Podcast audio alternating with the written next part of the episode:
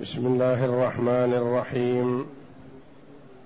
الحمد لله رب العالمين. والصلاة والسلام على نبينا محمد وعلى آله وصحبه أجمعين. وبعد. أعوذ بالله من الشيطان الرجيم. وأنه أهلك عادا الأولى. وثمود فما أبقى وقوم نوح من قبل إنهم كانوا هم أظلم وأطغى والمؤتفكة أهوى فغشاها ما غشى فبأي آلاء ربك تتمارى هذه الآيات الكريمة من سورة النجم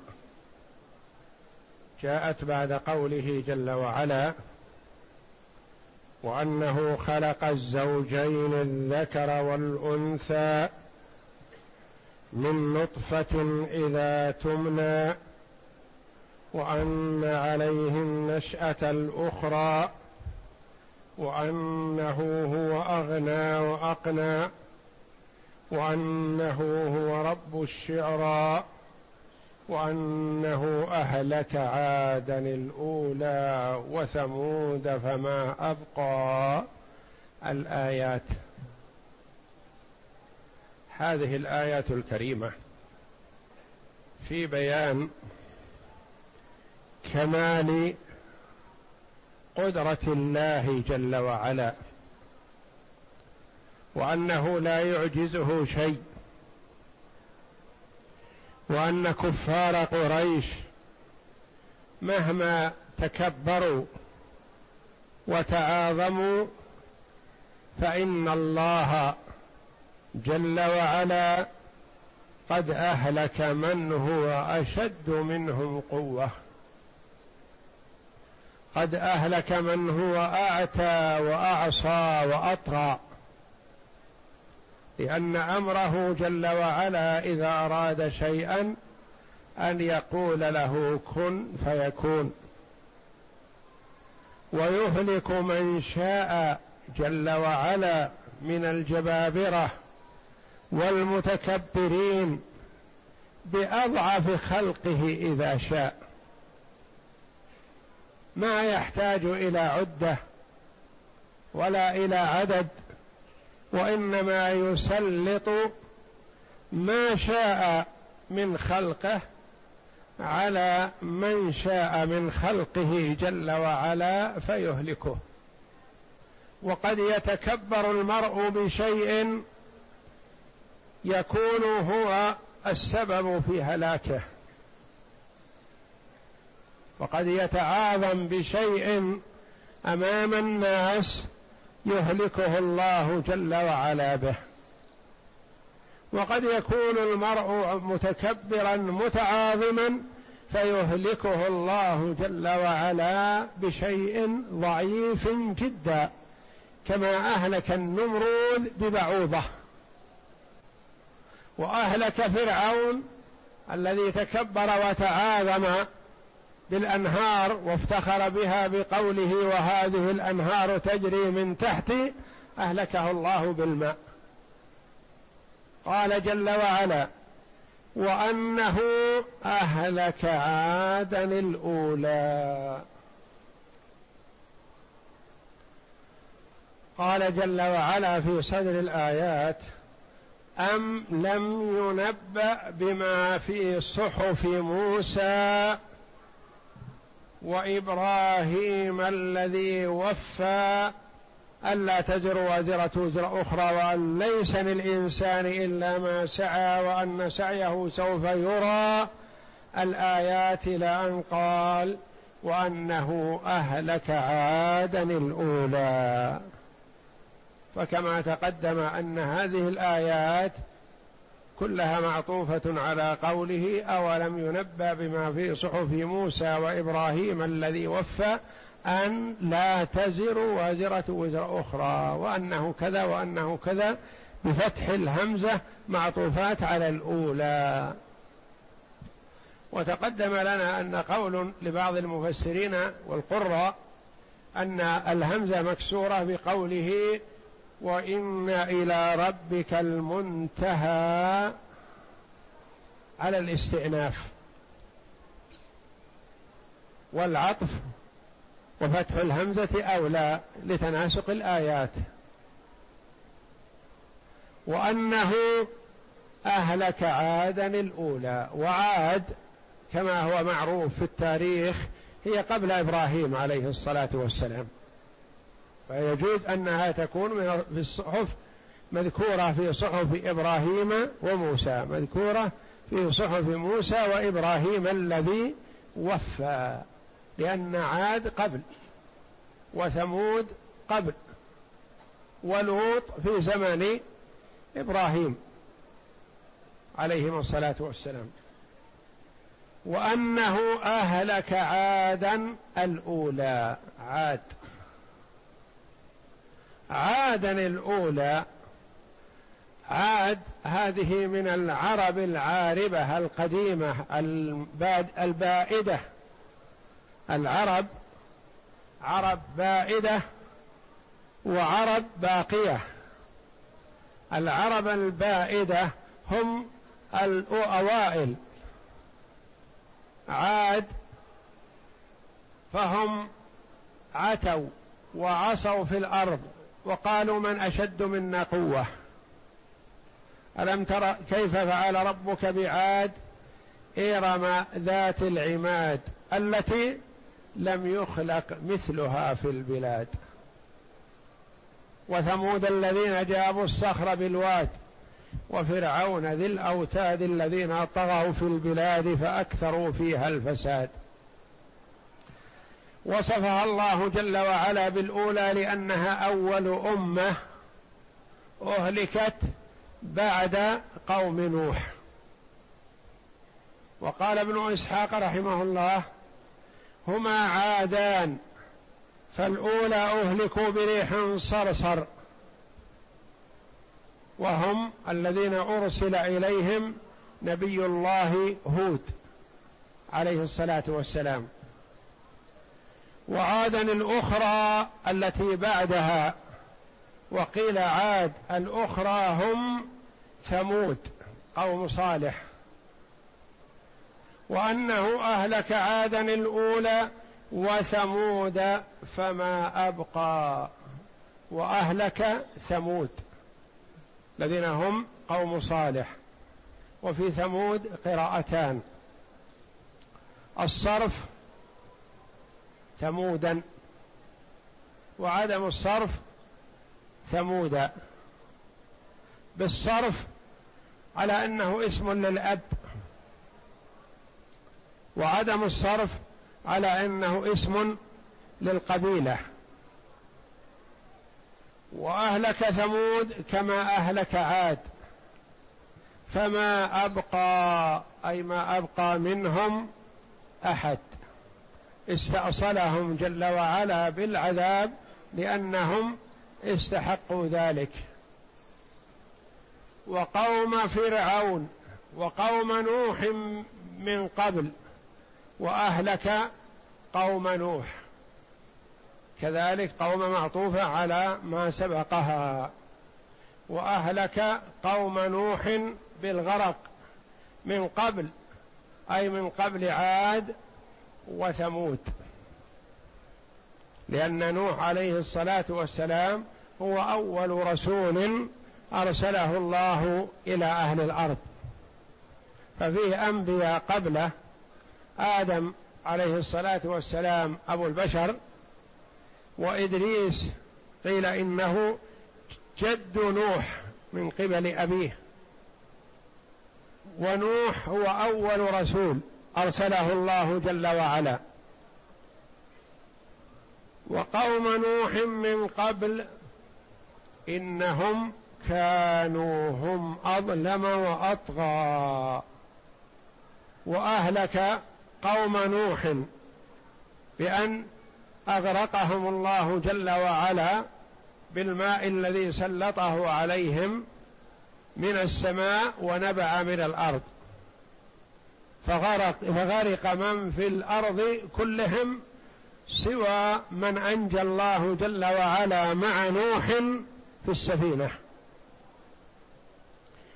إنهم كانوا هم أظلم وأطغى. إنهم الضمير يعود إلى من؟ قيل إلى قوم نوح وهذا هو الأقرب. هم أظلم من من سبقهم. وأطغى. وقيل أظلم من كفار قريش وأطغى. وقيل أظلم من أمم الكفر كلها وأطغى لأن الله جل وعلا ما أمهل أحدا مثل ما أمهلهم. استمر نوح عليه الصلاة والسلام يدعوهم إلى الله جل وعلا كما قال الله في كتابه ألف سنة إلا خمسين عاما. بقي فيهم قرون. وكانوا يتواصون بمعصية نوح ومخالفته وعداوته. قال قتادة رضي الله رحمه الله حدثنا أن الأب يأخذ بيد ولده الصغير ويقول انظر إلى هذا احذره لا تقبل منه ولا تسمع. وقد أوصاني أبي بذلك حينما كنت بسنك. فكانوا يتواصون الآباء يوصون الأبناء والأبناء يوصون أبناءهم وهكذا. ومع طول هذه المدة التي مكث عندهم ما استجابوا.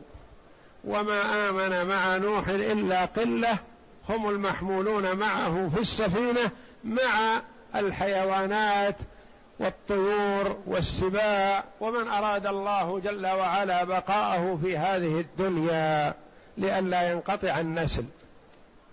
كلهم في سفينة واحدة. ولمثه فيهم ألف سنة إلا خمسين عاما يدعوهم إلى الله. فلذا وصفهم الله جل وعلا بقوله إنهم كانوا هم أظلم من عاد وثمود وأطغى أشد طغيان. وكانوا يتسلطون على نوح عليه السلام فيضربونه حتى يغشى عليه. فإذا أفاق قال اللهم اغفر لقومي فإنهم لا يعلمون. رحمة الأنبياء صلوات الله وسلامه عليهم أجمعين بأممهم. يضربونه ويؤذونه وهو يقول اللهم اغفر لقومي فإنهم لا يعلمون. عند ذلك لما أيس منهم قال رب لا تذر على الأرض من الكافرين ديارا إنك إن تذرهم يضلوا عبادك ولا يلدوا إلا فاجرا كفارا. تناسلوا في الولادة كلهم لا خير فيهم. إنهم كانوا هم أظلم وأطغى. والمؤتفكة أهوى. المؤتفكة المنقلبة. والمؤتفكات المنقلبات. ائتفاك انقلاب. والمؤتفكة وهي قرى قوم لوط. قيل إنهم أربعة آلاف ألف يعني أربعة ملايين. بقراهم اقتلع جبريل على نبينا وعليه أفضل الصلاة والسلام قراهم بطرف جناحه ورفعها إلى فوق. حتى سمع الملائكة في السماء صياح ديكتهم ونباح كلابهم. ثم نكسها أهوى يعني كبها وأتبعهم الله جل وعلا بالحجارة المتوالية المنتظدة عليهم وعلى مسافريهم. تتبعتهم في أماكنهم. الذين هم بعيدون عنهم أرسل الله إليهم حجارتهم فأهلكتهم. والمؤتفكة أهوى أي أسقط وقلب ونكس. فغشاها ما غشى غشيها الشيء العظيم الذي يعجز الوصف عن إظهاره. فكلمة ما غشى للتهويل كما قال الله جل وعلا القارعة ما القارعة؟ الحاقة ما الحاقة. يعني شيء عظيم شيء هائل. فغشاها ما غشى ما هي هي المؤتفكة.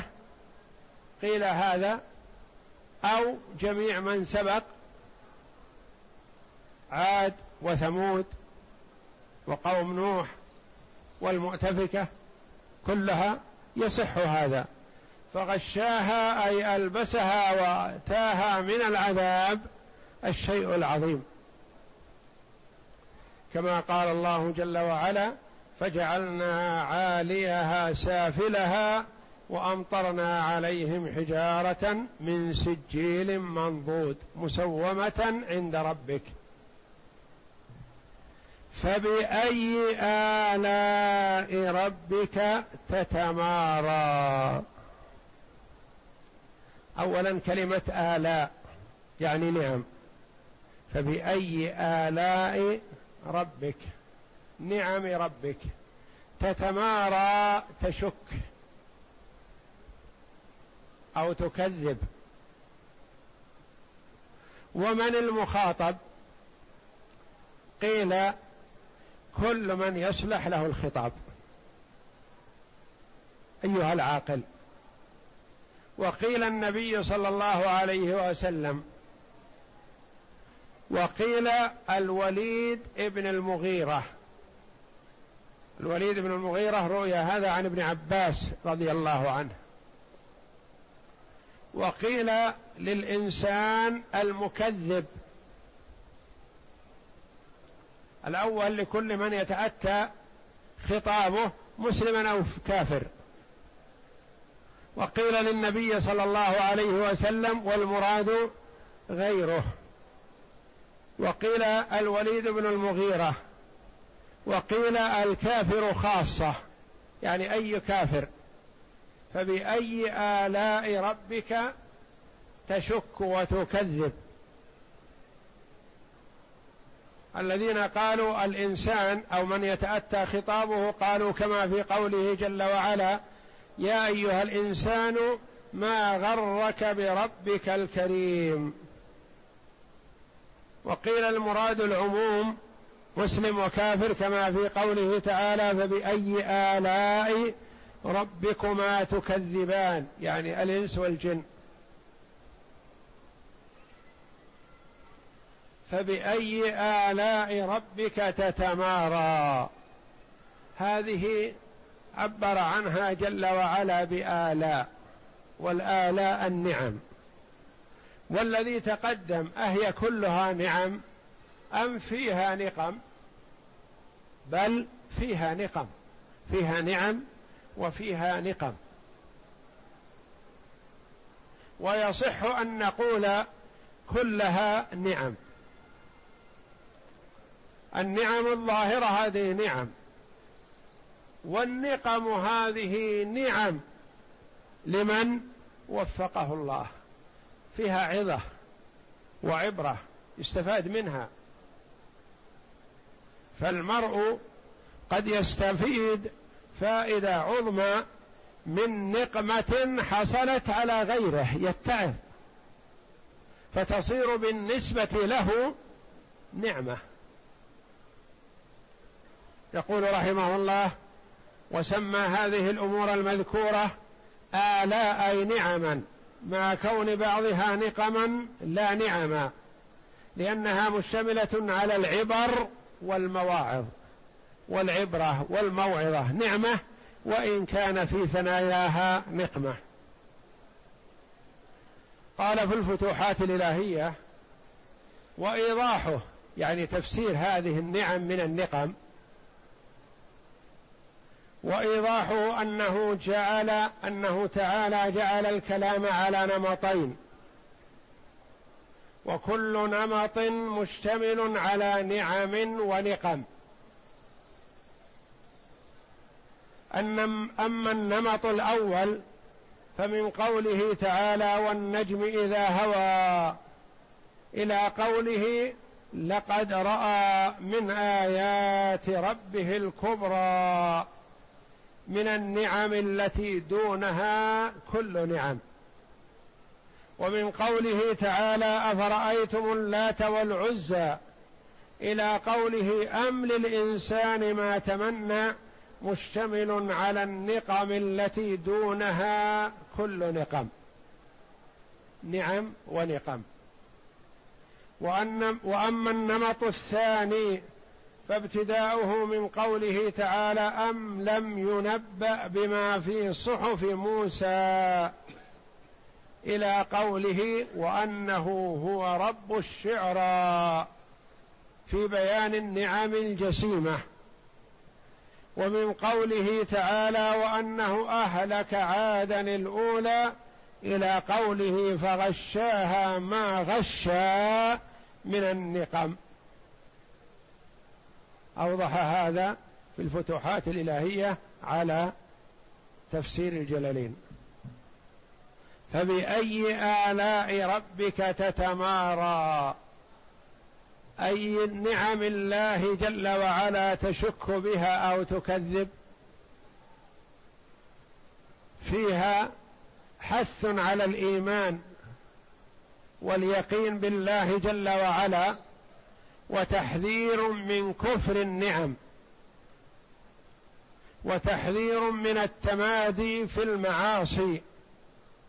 التي تهلك العبد في الدنيا والآخرة.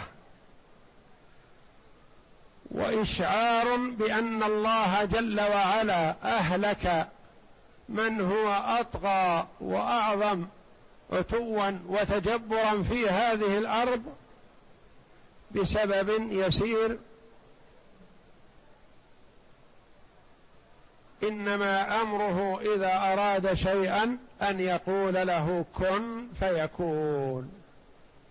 ففيها تسلية للنبي صلى الله عليه وسلم بأن الله جل وعلا مطلع على ما قال لك قومك وأن الله جل وعلا وإن أهملهم فإنه لن يهملهم. فقد أمهل من قبلهم ثم أخذهم اخذ عزيز مقتدر. تسلية للنبي صلى الله عليه وسلم وتحذير لكفار قريش. والله أعلم. وصلى الله وسلم وبارك على عبد ورسول نبينا محمد وعلى آله وصحبه أجمعين.